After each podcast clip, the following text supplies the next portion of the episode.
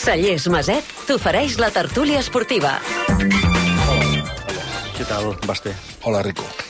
Bon dia, senyor Basté. Bon dia. Hola, Segurola, bon dia. Bon dia. Què? Comencem animats, eh? Bueno, bueno, bueno, bueno. bueno. Mira, l'altre dia, el dissabte, el divendres, vaig estar... Eh, perquè hi havia el sopar de Nadal de rac i eh, els que som presidents del club de fans de la barra, estàvem allà a la barra amb el eh, Joan Maria Pou. I el Pou em va fer uns números d'Europa, que vaig dir, "Mm, Pou, fes tu passar, perquè no, no m'expliquis res d'Europa, perquè és que, clar, sí, clar, només falta un punt, però ell és optimista, eh? Falta un punt, però, esclar, imagina que demà no fas... Bueno, ara vas a Vallecas, demà et posaré, escoltaré la ràdio, això de jugar a les dues, que és un drama, un camp lleig, etc.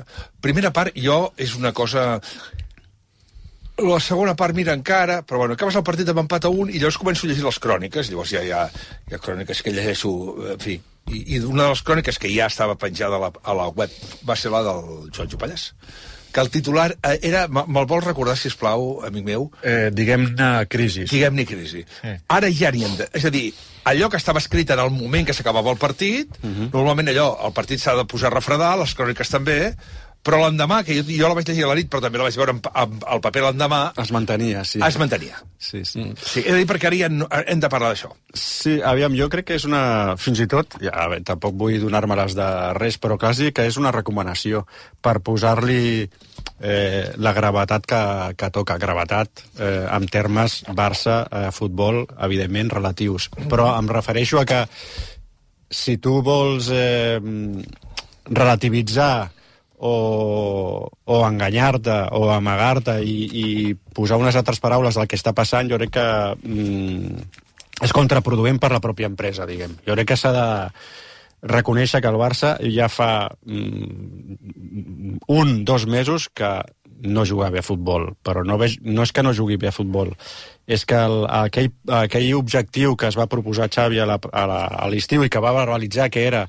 hem guanyat la Lliga, però ens, ens queda pujar esglaons per tornar a jugar a futbol com volem, doncs l'objectiu eh, no, és que, no és que no s'hagi evolucionat, és que s'ha involucionat. Jo crec que eh, aquell verb que s'utilitza tant per associar el Barça amb el que vol ser, que és el de disfrutar, jo crec que el Barça no disfruta, ni els jugadors, ni, la- ni la seva gent, ni la crítica especialitzada, ni ningú.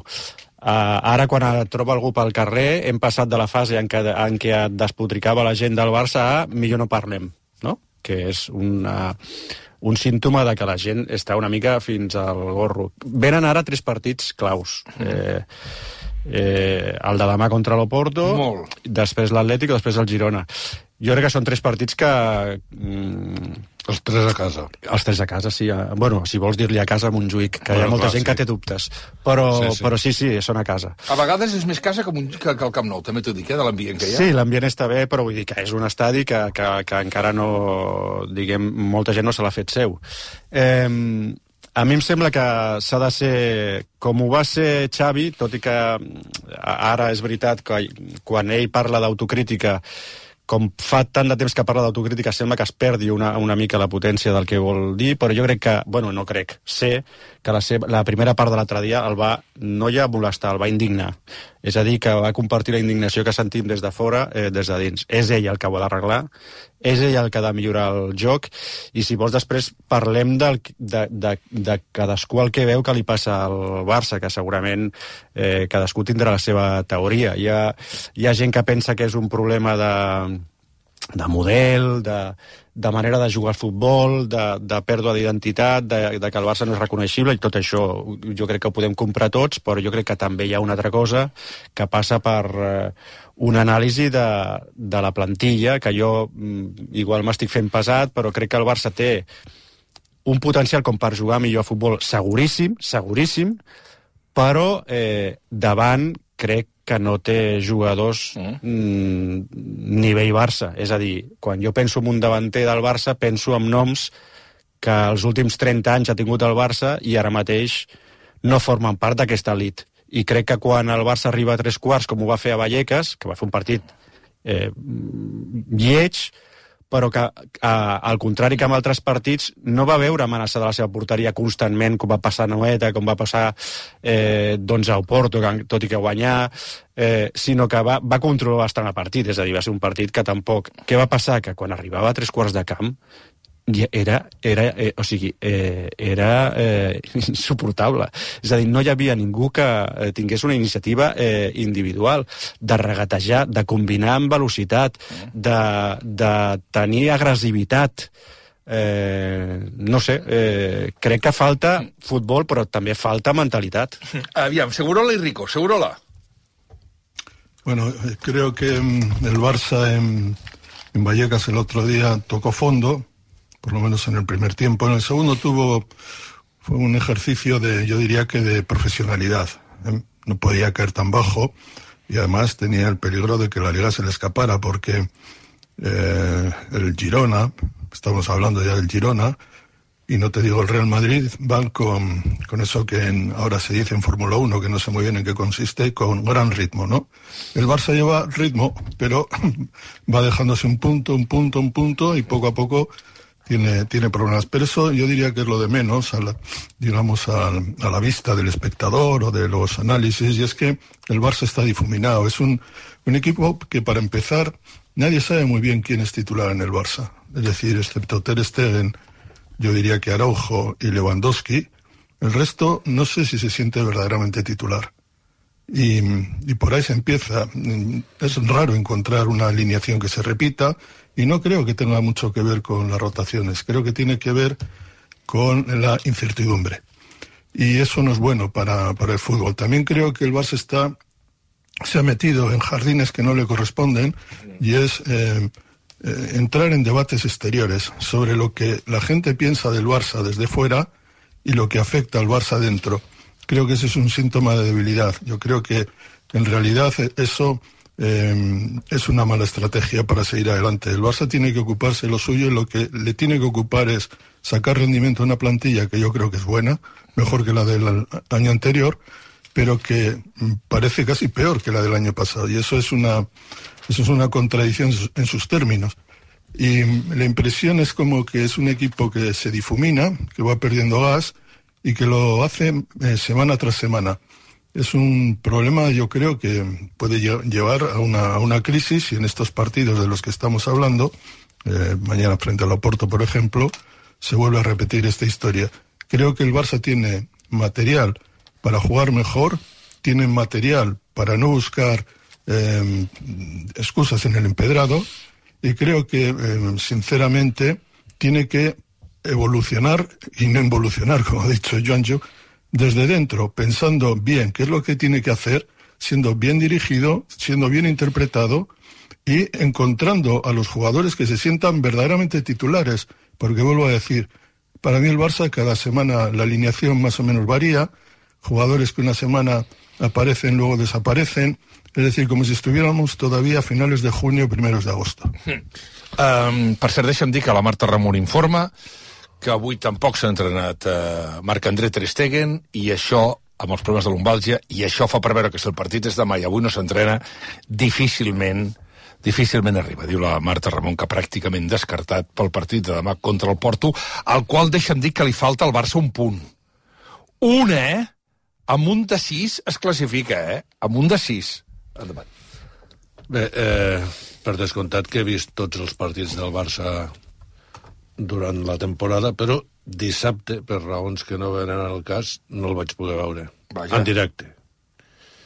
I he viscut aquesta setmana el esperpèntic, l'esperpèntica experiència de veure'l en diferit. Perquè, clar... Eh, Sabent el resultat. Sabent el resultat, naturalment. I clar, quan veus el partit del Barça en diferit, te n'adones que transmet les mateixes sensacions que quan el veus en directe. És a dir, si tens la sensació que no passa res quan juga l'equip, quan ho veus en diferit, aquesta sensació té la sensació que no passa res i realment no passa res. Eh, això vol dir que no és una qüestió d'un dia, és qüestió un, un, un mal que ve de lluny, no sé si són dos mesos o dos mesos i mig o tres, però el Barça eh, no rendeix al nivell exigible. Entre altres coses, la primera, perquè el 90% dels seus jugadors estan molt per sota del seu nivell individualment parlant. Eh, Joao Fèlix porta 12 partits sense fer un gol i, i 6 sense donar ni una assistència. Mm. El Cancelo està, eh, que sembla el lateral de la Gramenet. El, així bueno, podem, Joao Fèlix, eh, deixa'm dir... Bueno. Podríem continuar, però de fet, ara l'home discutible al Barça és l'Iñigo Martínez, que venia per ser suplent del suplent de central. Sí, sí. I l'Amin, que té 16 anys, i quan surt i entra a l'àrea, llavors sí que tens la sensació que pot passar alguna cosa, que després no, que acaba no passant, però que com a mínim tens aquesta sensació. Eh, és, un problema, és un problema coral, no és un problema de futbol. És veritat que si fos un problema de resultats, tu ara estaríem reclamant dos accions a l'àrea del Rayo que van ser clarament penal. Mm. Però és que la qüestió no és aquesta, i sobretot no pot ser aquesta en un Barça de Xavi, perquè Xavi ha vingut aquí... A dir, no, estem d'acord, eh? però jo també, això de que, bueno, el, és, és evident que, que l'àrbitre... No, no, no, jo, jo, jo, efectivament, teniu tota la raó. Ara, deixeu-me dir que per mi hi ha un penal escandalós que jo no entenc per què el bar no entra, és que no ho entenc, és que no, és que no ho entenc. Com el bar no entra, primera, i després veig una altra paraula escandalós del, que li farà Lewandowski sí, amb la pilota això, en joc. Això ho veiem tots després del partit. Ja, ja, ja, tots ho veiem després del partit, però hi ha una sala que es diu bar, i del qual el Segurola des del primer dia diu que això és un desastre. Sí, I en el fons m'ho creuré que és un desastre. És... O sigui, al final me'n creuré que és un desastre, perquè és, és, és evident. El Barça està malament, el Barça... Tot el que tu vulguis. Ara hi ha també una altra evidència, eh, tu? Sí, però que l'evidència és que mm siguent fidel a la filosofia de Xavi, mm. la manera de guanyar és jugant bé. D'acord. La manera de guanyar... I tu, és veritat que eh, pots guanyar el partit de Vallecas, però no tens el problema solucionat. Avui estaríem al mateix problema. I l'important no és solucionar l'últim marcador, i gairebé et diria ni el proper. Mm. El problema és de fons, mm. i jo crec que Xavi té una fenyada, perquè això sí que ho vull dir. Mm. Eh, reconeixent-li a Xavi que no va admetre com a excusa aquestes jugades que jo acabo de comentar, va dir una cosa que a mi em va semblar pràcticament ofensiva.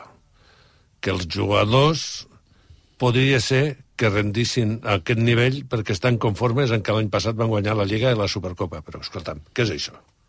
Aquests tios són jugadors del Barça, uns tios que s'aconformen en guanyar la Lliga de l'any passat i la Supercopa i això justifique el, el, el salari de tota la, de la temporada següent. Estem de conya o què? Això no pot ser, no es pot admetre de cap manera i el primer que no ho ha d'admetre és l'entrenador. En fi, són les 11 i 21 minuts. Sí, jo, jo crec que hi ha un missatge, eh, agafant el fil que deia el Miguel, eh, de Xavi que és massa condescendent amb els jugadors des de que va agafar la, la banqueta. Crec que tenia la seva justificació quan va arribar perquè tenia una, un, una plantilla que era eh, defectuosa, per dir-ho d'una manera, i, i aquesta plantilla necessitava eh, eh, confiança, necessitava que la adolessin per, per rendir millor. Què passa ara? Que, que tots els jugadors estan per sota de la seva possible millor forma. Podríem citar dos, dos exemples, potser Ter Stegen, Araujo i Íñigo Martínez. Eh, ara, més... Íñigo ara. Ara sí, sí, sí, sí. Vull dir, jugadors que ara dius eh, estan, eh, diguem que són... Eh, eh, la, la relació, eh, el que esperes d'ells i el que estan donant és més o menys coherent, els de més no. Però ara què està passant? Que els jugadors estan per sota de la seva... Tots i resulta que hi ha alguns que els hi afecten les crítiques, etc etc. Això no pot, és que és, és intolerable ja. O sigui, eh, deixant de banda els menors d'edat, que aquests s'han de protegir de l'exterior i de tot, perquè és veritat que l'ambient, i més amb xarxes socials, pot ser superbèstia, eh, els de més, aviam, han d'estar portar cuirassa, cuirassa des de, de fàbrica ja, o sigui, i ja prou de defensar-los, és a dir, se'ls ha de passigar se'ls ha de pressionar i no s'ha no de mm, fabricar més missatges d'aquests que sembla que les, que, que, que les excuses que busca Xavi van dirigides a, a encobrir-los. No, no, no, escolta'm, si els has d'apretar, si el teu eh, màxim referent és Cruyff, recorda les rodes de premsa que feia Cruyff quan a ell li interessava desviar l'atenció i matxacar els jugadors. És igual, o sigui, eh, jo crec que ha arribat l'hora ja d'apretar, perquè hi ha jugadors que, bueno, que, que, que viuen molt bé, que viuen molt bé. 11 i 23 minuts, mira, deixarem aquí. Però si en el fons demà passat hi torna a haver-hi... Bueno, demà, No, no, avui demà, a futbol, demà. avui Girona. Avui juga el Girona Atlètic de Bilbao. Demà hi ha Champions. Dimecres hi ha Champions. Dijous hi ha Europa League. Divendres torna a la Lliga. Dissabte jugar al Girona. Dissabte jugar al Madrid. Diumenge jugar al Barça Atlètic de Madrid. Partidàs. Sí. Partidàs. I l'altra setmana recordem el Barça-Girona. I un record al Barça de Benevols, Sí, home, evidentment. que va ser part de les nostres adolescències, almenys la meva. Efectivament, i que jo sempre deia que al marge d'això sempre he tingut un entrenador que cantava, carai, que cantava. Ai, ai. Bueno, d'aquí una estona amb aquesta música no, però amb una altra música... Això no és Suècia. Bueno, Que li toca, que li toca directe al Pallàs, això. Això no és Suècia. No, no. Parla d'una família sueca, també, a la sèrie. Una sèrie la- a TV3 la veurem. que està molt bé, però molt, molt. I a més la protagonitza, la dirigeix, la produeix l'Aina Clotet, amb el, la seva parella a la vida real, que també és parella a la vida de ficció, que és en Jordi? Marcel Borràs. Dime, Segurola. Ya que estás hablando de series, yo soy fanático de dos series que comienzan temporada el miércoles. Así que, por si acaso, lo dejo ahí. ¿eh? Vale. Uno es la segunda temporada del Encargado, Sí. una serie argentina extraordinaria por la maldad que tiene y lo graciosa que es. Y la otra es, esta es en Disney, Disney Plus. Y la otra es eh, Caballos Lentos, la tercera temporada de las adaptaciones de las mara- maravillosas novelas de espías de Mick Herron, interpretada por eh, Gary, Hol- Gary Oldman y eh, Christine Scott Thomas. Adelante con ellos. ¿eh? ¿Dónde están Caballos Lentos? ¿En qué, en qué plataforma? Apple. TV. Apple, Sí, TV. Apple TV. Apple TV. Apple TV, que és, mm, si no la millor, de les millors plataformes que en aquests moments té grans sèries per veure. 11 i 25. Gràcies, uh, Segurola, gràcies, Rico. Gràcies, Joan Jupallàs. D'aquí uns moments, Aina Clotet, Marcel Borràs, Això no és Suècia, al món a RAC1. Això.